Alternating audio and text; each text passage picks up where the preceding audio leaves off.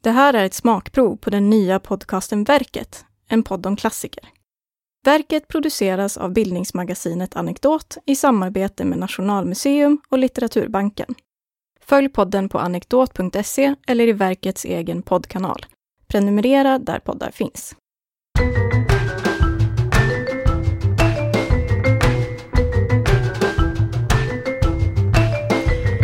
Hej och välkommen till Verket, en podd om klassiker.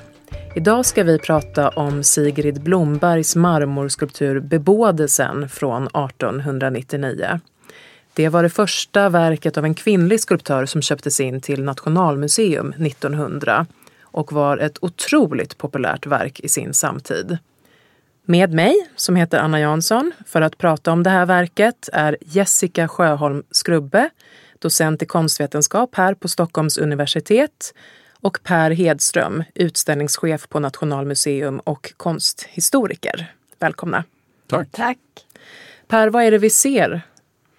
Ja, ehm, det är en marmorskulptur med ett motiv hämtat ur Bibeln. Alltså det här är en berättelse som beskrivs i Lukas evangeliet som handlar om hur ängeln Gabriel kommer till Maria och berättar för Maria att hon ska bli havande med Jesusbarnet. Hon ska alltså föda Guds son.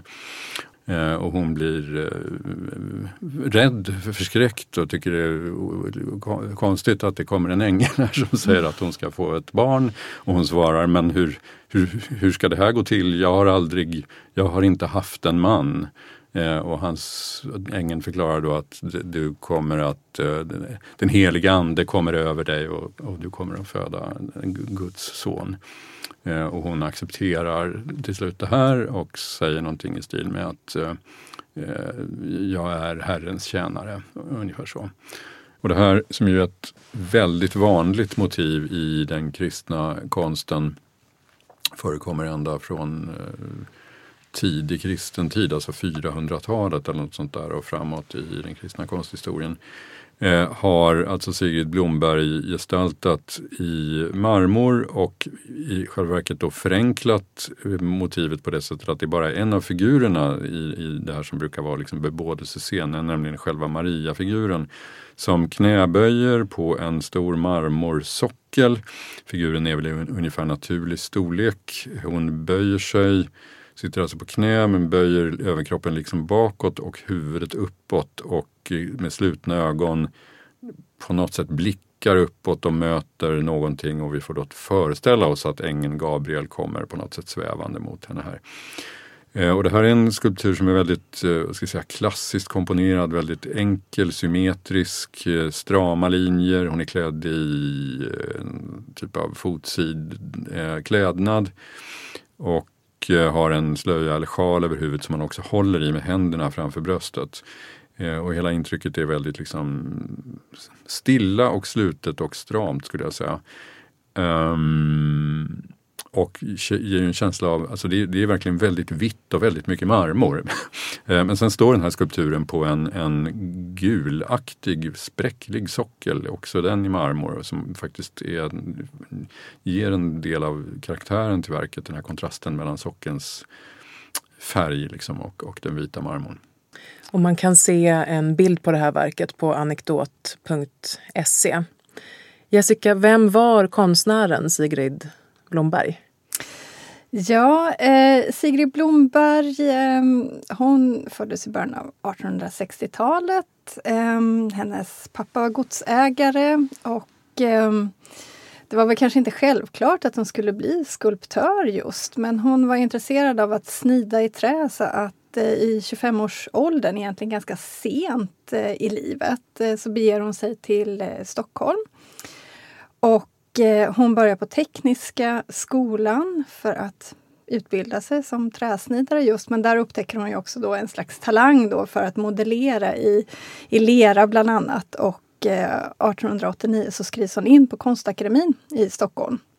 Och eh, stannar kvar där Eh, med vissa avbrott för studieresor utomlands. Hon studerar två år i Dresden eh, bland annat men eh, annars är hon kvar vid Konstakademin då fram till 1898. Och är framgångsrik som skulptör. Hon får utmärkelser, hedersbetygelser när hon ställer ut sina verk på Konstakademins utställningar. Och det här verket, då, Bebådelsen från 1899, då är ju ett ett av, på ett, ett, av hennes tidiga verk som hon ställer ut men också ett verk som, som blir hennes stora eh, genombrott och som gör henne välkänd som eh, skulptör.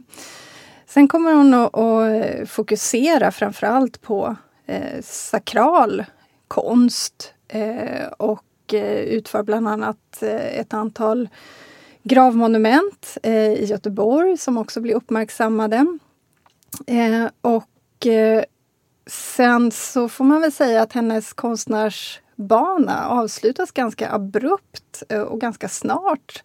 Någon gång i början av 1910-talet då hon drabbas av en ögonsjukdom som sätter stopp för karriären. Eh, och eh, hon, hon, har inte möjlighet att, att, fortsätta skulptera helt enkelt utan får eh, försörja sig alternativt som eh, bokbindare. Eh, och eh, försvinner väl lite grann ur eh, det allmänna medvetandet så att säga. Och sen avlider hon eh, så småningom 1941. Det här är hennes eh, stora genombrott, men hur, eh, hur välkänd var den här skulpturen vid sekelskiftet 1900?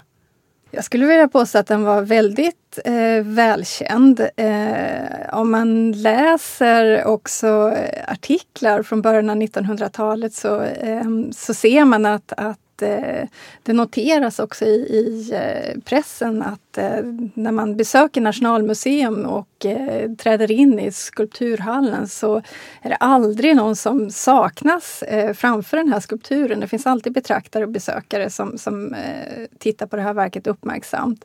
Men sen blev det också reproducerat i mindre format i terrakotta och såldes då till eh, en bredare allmänhet som kunde placera då versioner av det här verket i sina hem. Så också på, av den anledningen så var det välkänt och också reproducerat i bild och så vidare.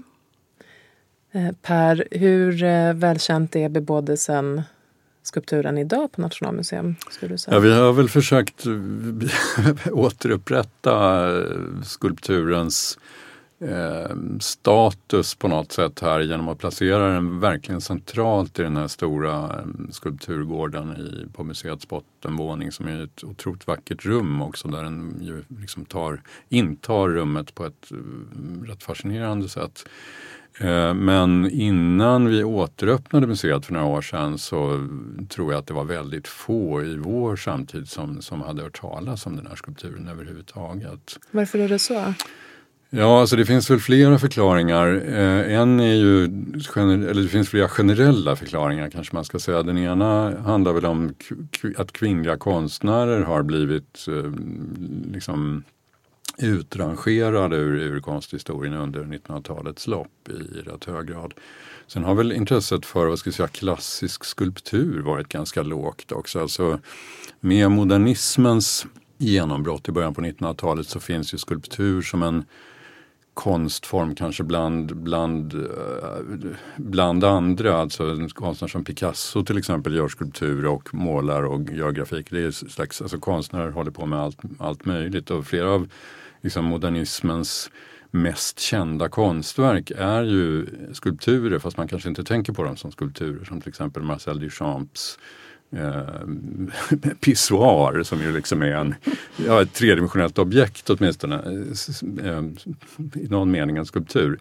Eh, men det Sigrid Blomberg och bebådelsen representerar är liksom en, en, klassisk tradition som är någonting helt annat. Och den typen av eh, vad vi idag skulle uppfatta som klassisk skulptur i marmor med, med som föreställer människor liksom realistiskt huggna. Det, det var inte något som stod högt i kurs under första halvan av 1900-talet. Nej, jag funderar också på om, om det möjligtvis kan vara så att eh, det faktum att den här skulpturen faktiskt också reproducerades har bidragit till att den har värderats eh, lägre så att säga. Eh, därför att eh, det som blir populärt i det allmänna medvetandet det är ju sällan sånt som, som sen eh, i lika hög grad kanske eh, uppskattas och värderas i konsthistorieskrivningen. Nej, det är jätteintressant om det, om det var liksom för populär på något sätt. Eh, jag kan ju tänka mig att det finns en sorts kitsch-faktor här också. Alltså, det, det, det, kanske gränsar åt någon slags liksom, alltså, en, en, en religiös bildvärld, kanske jag menar, mycket vanligare inom den katol, de katolska kulturerna förstås, mm. så, där man har reproducerat eh, kända, eh, kända eller mindre kända mm, konstverk med, med religiösa, med kristna motiv. Mm. Så att det finns en sån aspekt. Och, så, och det, det, är ju också en, en konstkultur som har varit helt eh, som ju inte riktigt har funnits i, i, i de protestantiska länderna och absolut inte i Sverige som då eh, även i början på 1900-talet eh, var ett, ett rätt så sekulariserat samhälle får man ju säga jämförelsevis. Då. Mm. Så att, ja, det, är, det är ett antal sådana här faktorer som nog har Ja, det är intressant att du nämner kitsch. Där. Jag, jag, jag läste eh, nyligen en en artikel från början av 1900-talet som presenterar skulpturen då i en av de svenska tidskrifterna och där, där den här artikeln faktiskt inleds med ett slags försvarstal för att, att det är eh, acceptabelt att reproducera. Att det också är någonting som är eh, ligger i linje med en demokratisk tanke om konsten, att den ska kunna spridas till, till fler människor. Eh, och Eh, att det inte alls behöver vara så att konsten blir vulgariserad av reproduktionen. Nej, det. Eh, så, och det, det mm. anknyter ju till det mm. som du säger om, om en möjlig kitsch. Det finns en fara där, liksom, att blir det för spritt och för populärt och massproducerat mm. på något sätt och så mm. är det inte fint längre. Liksom. Får jag ställa en fråga där? För jag tänker på Carl Larsson som är så otroligt reproducerad och massproducerad om man tänker bilderna från ett hem. Eh, han har väl inte riktigt drabbats av samma öde just i, i relation till det, eller hur? Nej, inte, inte på samma sätt, men det finns nog ändå en sån, liksom, alltså skulle man fråga en, en, en modernistisk konstkritiker 1950 liksom, i, om, om, hur, om hur bra eller dålig Carl Larsson är så skulle man kanske inte självklart få svaret att det är en jättebra konstnär. Vad är en För modernistisk att, konstkritiker? Ja, någon som gillar den, den, den liksom mest radikala abstrakta konsten då, säg början på 50-talet, Jackson Pollock eller någonting sånt där som, som är liksom helt icke föreställande. Så kan jag tänka mig att, att man kunde titta lite fraktfullt på sån liksom lite idyllisk, söt, eh, söta barn och, och idylliskt familjeliv liksom som var Carl Larssons mm. grej. Mm. Um, så att, men, men, visst, han har ju överlevt på ett helt annat sätt än, än vad Sigrid Blomberg har gjort. Absolut. Bebådelsemotivet och Jungfru Maria handlar ju mycket om moderskap. Men hur var det med Sigrid Blombergs privatliv? Var hon själv moder? Var hon gift eller hur, hur såg det ut?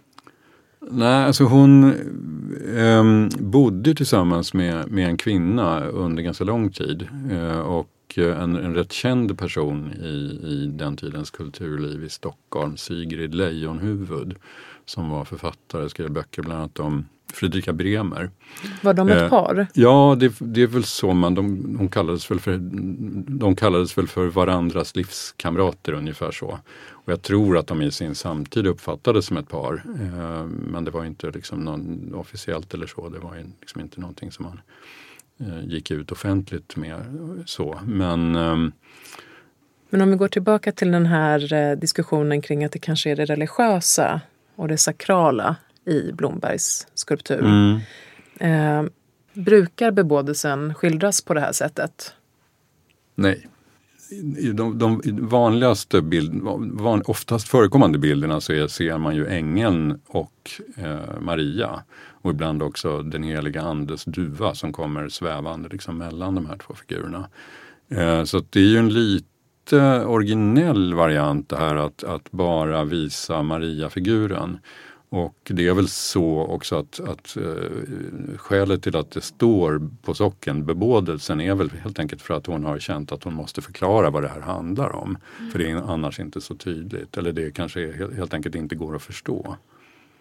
Men eh, det är ju en, jag kan tänka mig att det är en del av, av eh, kanske fascinationen kring det här verket när det var nytt och en del av att det blev populärt, att det är så avskalat och koncentrerat, att det bara är den här figuren och ingenting annat. Och att man kanske kan läsa in andra saker också i den än just den här så att säga, kristna berättelsen. Ja, för är det inte också lite grann ett sensuellt verk? Om man tittar på hennes ansikte, de slutna ögonen och hur hon liksom håller i den här slöjan. Ja, man, man kan ju uppfattar det här säkert på alla möjliga sätt men det är ju väldig, man får en känsla av att det är någonting extatiskt över det kanske. Eh, och också att, att eh, hon liksom går upp i någonting annat. Eh, uppslukad av någonting liksom. Eh, och, så. och det kan ju egentligen vara vad som helst. Det behöver inte vara, ja det, det är fritt liksom att läsa in någon slags upplevelse eller så i, i, i den här. Vad säger du Jessica? Finns det drag av någon form av sensualism eller kanske till och med erotik i det här verket? Jo, men jag, jag tycker nog att, eh, att man skulle kunna se det. Inte kanske helt eh, omedelbart men eh, jag tänker också på hur hon håller händerna. Hon har händerna nära, hon håller om, om den här slöjan men hon har händerna nära sin egen kropp så att säga. Det är också en sån här gest som att, att hon tar på bröstkorgen. Det är någonting med de slutna ögonen, de aningen kanske särade läpparna och, och det här uttrycket där hon liksom vänder sig upp mot någonting ovisst eh, som, som jag absolut tänker kan läsas in som, en, som faktiskt en, eh, ett uttryck för någon slags sensualitet eller, eller möjligtvis eh, erotik eh, till och med. Finns det andra tolkningsmöjligheter i det här verket? Om man, om man bortser från eh, den, den omedelbara eh, tolkningen att det, att det faktiskt är eh, bebådelsen det handlar om så, så har man redan från början läst in olika idéer om att det här är ett slags uttryck eller skildring antingen av eh, ideal kvinnlighet eller renhet eller också kvinnans roll som moder, en slags naturlig eh, roll så att säga. Så att, eh, jag, jag, tror att det redan från början har funnits olika idéer om vad man kan se i det här verket. Eh, och precis som Per nämnde här tidigare också så är det ju ganska öppet eftersom det inte skildras så som det brukar göra och den här mm, möjligtvis då behovet av titeln, en etikett på socken för att förklara vad det faktiskt eh, handlar om. Vad ser du i verket Per? Den, den är lite mm, på sätt och vis lite udda i sin tid därför att det här var en tid av, som egentligen mer dominerades av någon slags realism. Eh, om man ser det lite på ett väldigt generellt plan. Alltså man, konsten skildrade den synliga verkligheten och av samtiden mer. Men Eh, i, under 1890-talet och precis kring sekelskiftet så eh, finns det ju en rörelse som man talar om som symbolism. Och som kanske inte är jättestark i den svenska konsten, eller konsten i Sverige, men finns lite starkare liksom på andra håll i Europa, Frankrike och Tyskland. Eh, och även några av de andra nordiska länderna. Och på något sätt kan man säga att det här eh, Eh, en, man kan se det som en del av den rörelsens intresse eller återuppväckta intresse för någonting som, är, som inte bara är materiellt eller som inte bara handlar om den synliga verkligheten. Så det finns ju ett, ett, ett nytt intresse för liksom andlighet och religiösa motiv och så hos vissa konstnärer på den här, i, i det här skedet. Nu vet jag inte hur mycket kontakter hon hade med liksom någon slags avantgarde sådär. Jag skulle kanske inte tro att de var rätt så begränsade men, men ändå, det, det, en, det, det, finns någonting i det här och även kanske den här rätt starkt stiliserade figuren eh, som liksom lite finns, det finns beröringspunkter där som är lite intressanta kan jag tycka. Vad menas med att verket är stiliserat? Ja, alltså jag tänker att det här är en sorts, den, den, den, den är väldigt, ser man den rakt framifrån så är den väldigt sti, um, symmetrisk. Uh, den är stramt komponerad, det är inte en massa Eh, böljande, flaxande veck i de här kläderna och så. Eh, jag vet inte om stiliserad är riktigt rätt ord, men det finns en sorts stramhet i det som, som har en del beröringspunkter med den tidens, just den här symbolistiska konsten som är eh, det, som det helt enkelt liknar i, i någon mening. Ehm, det är också intressant att notera att i den här symbolistiska konsten eh, om man tittar på ett europeiskt plan under den här perioden så finns en ganska, ett stort intresse för att skildra kvinnor som någonting eh, underligt, hotfullt. Eh, kvinnor får ofta symbolisera döden eller hot om döden men också en, en, en hotfull sexualitet och liknande. Jag tänker på konstnärer som Edvard Munch till exempel, eh, som många gånger skildrar kvinnan eh, i relation till de här stora existentiella frågorna men kanske inte alltid på med eh, den här livgivande funktionen på samma sätt utan många gånger också med liksom en mörk eh, underton. Eh. Det är kvinnor som vampyrer eller någon slags monster? Eller, ja, ja, som, ja, precis. Som återkommer ja. hos väldigt många konstnärer. Och det här är på något sätt något, nästan motsatsen till det. Jo men det är ju det. Eh, och det, det, är därför jag tycker att det är intressant för att på ena sidan så finns ju den här parallellen som du säger att, att ett intresse för religiösa teman och någon slags bearbetning av det här klassiska motivet då som inte alls överensstämmer med hur det har sett ut i den västerländska konsthistorien. Men samtidigt så är det en annan typ av kvinnofigur som inte är den vi känner igen ifrån Edvard Munch eller man kan också tänka på eh, Gustav Klimt i, i, eh, i Österrike till exempel. Mm. Tror ni att det beror på att det är en kvinna som har gjort den här skulpturen och de andra ni nämner var män? Eh, eh, ja, det är svårt, svårt att säga. Ja. Eh, alltså, mm, någon sorts betydelse är det väl rimligt att tänka sig att det har ändå. Um, samtidigt så det finns en tradition, alltså å ena sidan har vi den här liksom kvinnan som vampyr eller, eller ehm, eh, något, något, något monströst och som, som liksom eh, Ehm, tar man, den skapande mannens energi och liksom för, ja, någon, någon, slags förstörande och förgörande kraft. Samtidigt så finns ju liksom kvinnan som madonna-figur väldigt starkt, eh, alltså väldigt starkt när, i liksom det sena 1800-talet eller 1800-talets kanske överhuvudtaget konstkultur eller kultur. Eh, och det finns ju ett antal så att säga, manliga konstnärer som har målat eh, den sortens figur också. Det, det är också en väldigt stark tradition. Det finns bland annat hos, hos de här engelska så kallade prerafaeliterna. Eh, det finns en bebådelsescen av mm. en av de liksom ledande prerafaeliterna, alltså Rossetti från mitten på 1800-talet som, som liksom, man kanske kan säga har den här sortens, den kvinnotypen mm. då snarare. Så att, det är väl lite svårt att säga, liksom, eh, alltså det, det finns en sån linje liksom i, i, i, konsten också. Men, men sen är det ju intressant att tänka på vad, vad just den här figuren hade för betydelse för, för Sigrid Blomberg själv. Eh, och varför hon valde den, det, det motivet. Och så. Nu var hon ju inne på religiösa motiv generellt så det, det finns ju flera sådana exempel. Jag tänker på den här skulpturen finns ju så i sin gipsversion, alltså den som väl ställdes ut på Konstakademin 1899. Den finns ju i Gustav Vasa kyrka och jag tror också att det finns en variant av den här i någon annan kyrka. Ja, det finns en likadan i Härnösand. I kyrkan? Att, ja, ja, precis, i ja. Härnösands eh, kyrka. Och jag funderar på hur vanligt är det med sakral eller religiös konst? Att det köps in till Nationalmuseums samlingar vid den här tiden? Eh, väldigt ovanligt är det ju. Eh, och överhuvudtaget så kan man ju säga att den, den konst med religiösa motiv som finns i Nationalmuseum är ju äldre konst som har köpts, som har kommit in via kungliga samlingar och något sånt där som har funnits eh, sedan tidigare sekler liksom i, i Sverige. Um, så att det här är ju en tid då man, då man intresserar sig för andra typer av, av ämnen i väldigt, väldigt hög grad.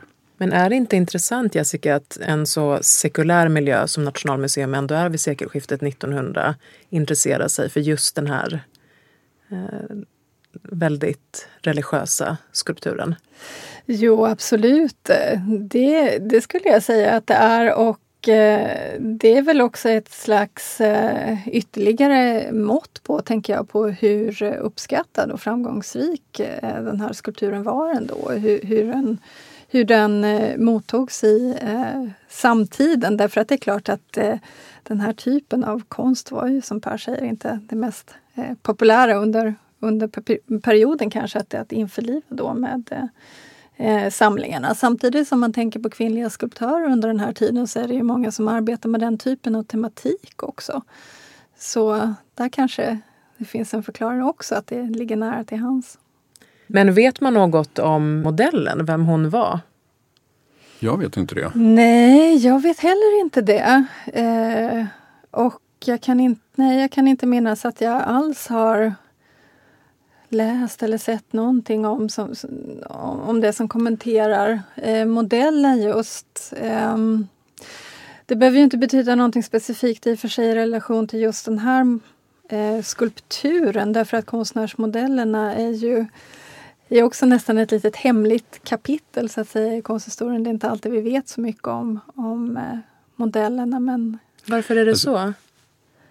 Ja, det är en sorts eh, vad ska man säga, hjälpredor på något vis i konstens värld. De, de kallas in och finns till hands på akademierna eller i konstnärsateljéerna. Det är ju eh, verkligen en kontrast mot idag tänker jag, där modell är ett statusyrke och det är väl många som har koll på eh, modeller ja, om man tänker ja, reklam. Det är en helt annan sak. Men ja, var det ett yrke mm. vid den här tiden? Ja, det var det ju.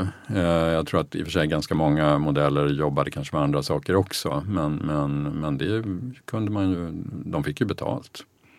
Det var ju ett yrke men det var också ett, ett lågstatusyrke och ett yrke också som är lite behäftat med dåligt rykte åtminstone om det är kvinna så att säga. Att, du, att, att man eh, nästintill är en fallen kvinna om man, om man liksom, eh, ställ, står modell för eh, konstnärer i ateljéer. Man vet också att åtminstone i Wien och Paris eh, kring sekelskiftet här också att det, att det många gånger faktiskt är utsatta grupper i samhället, alltså rent socialt sett. Att det är fattiga människor, det är immigranter eh, och liknande som, mm. som också anlitas som modeller. Och också att, att eh, alltså prostitution inte var helt ovanligt. Nej, så att det precis. finns en sån mm.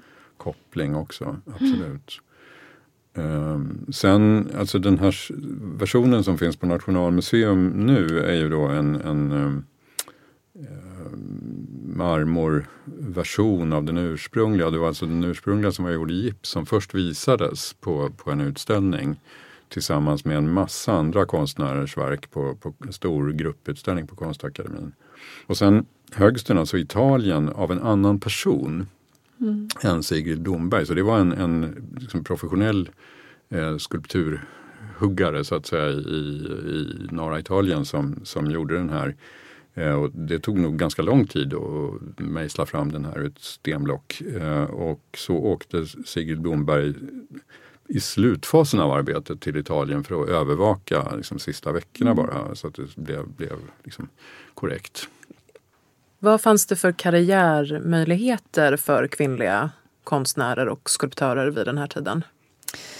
Ja, karriärmöjligheterna är ju eh, på ett sätt eh, större under den här tiden eftersom kvinnor har fått tillgång till utbildningen sedan 1860-talet. Men samtidigt så finns det ju fortfarande många fördomar kring kvinnliga skulptörer eftersom det är ett hårt yrke, eh, det är smutsigt och då tänker man sig inte att det är lämpligt för kvinnor.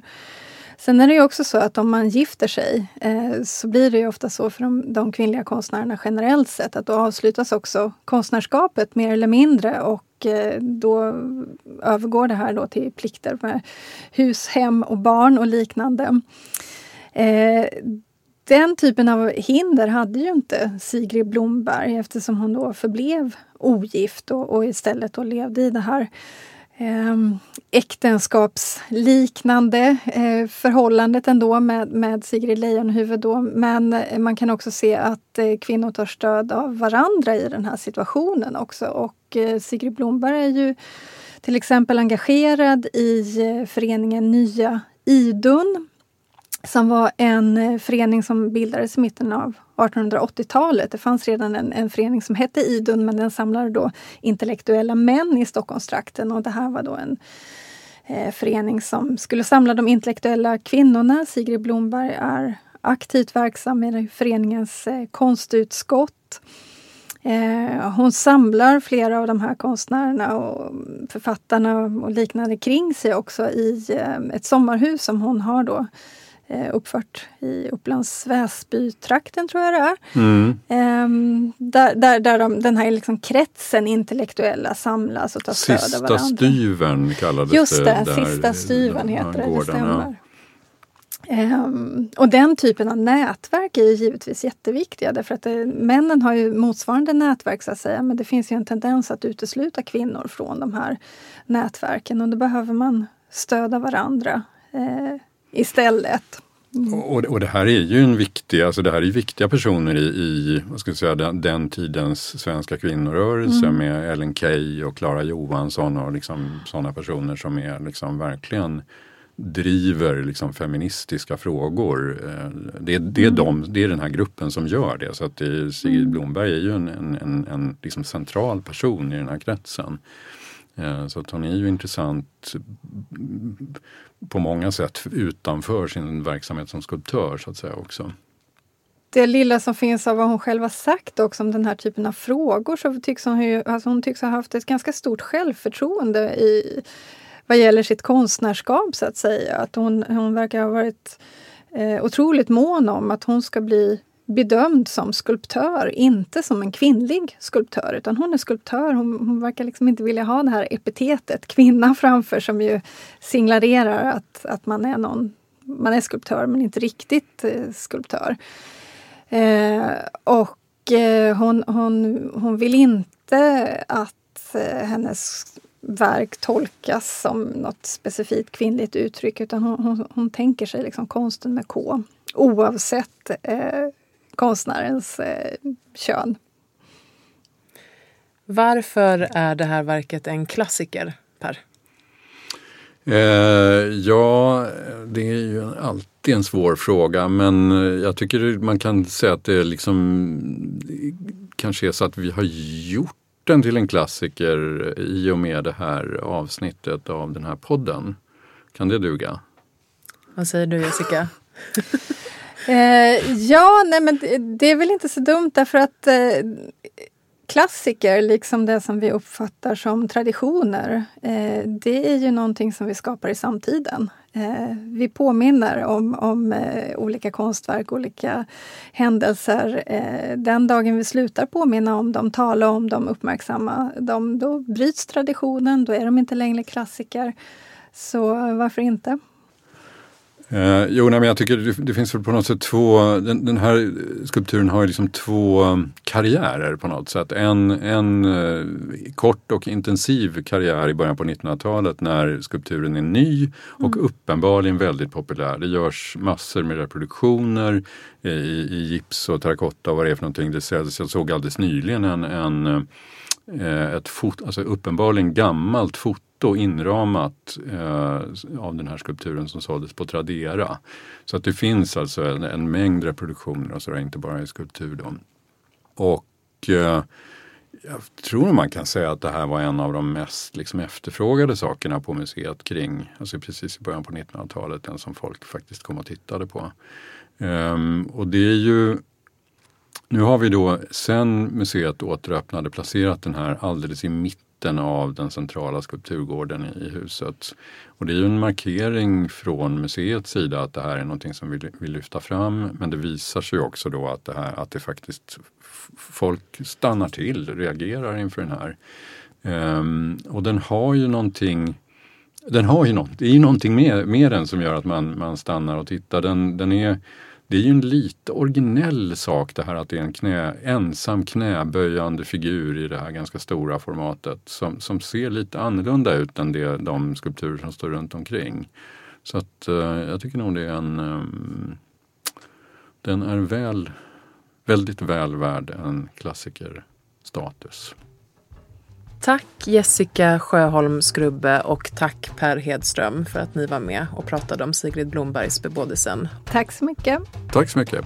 Och tack också till alla er som har lyssnat. Hej då!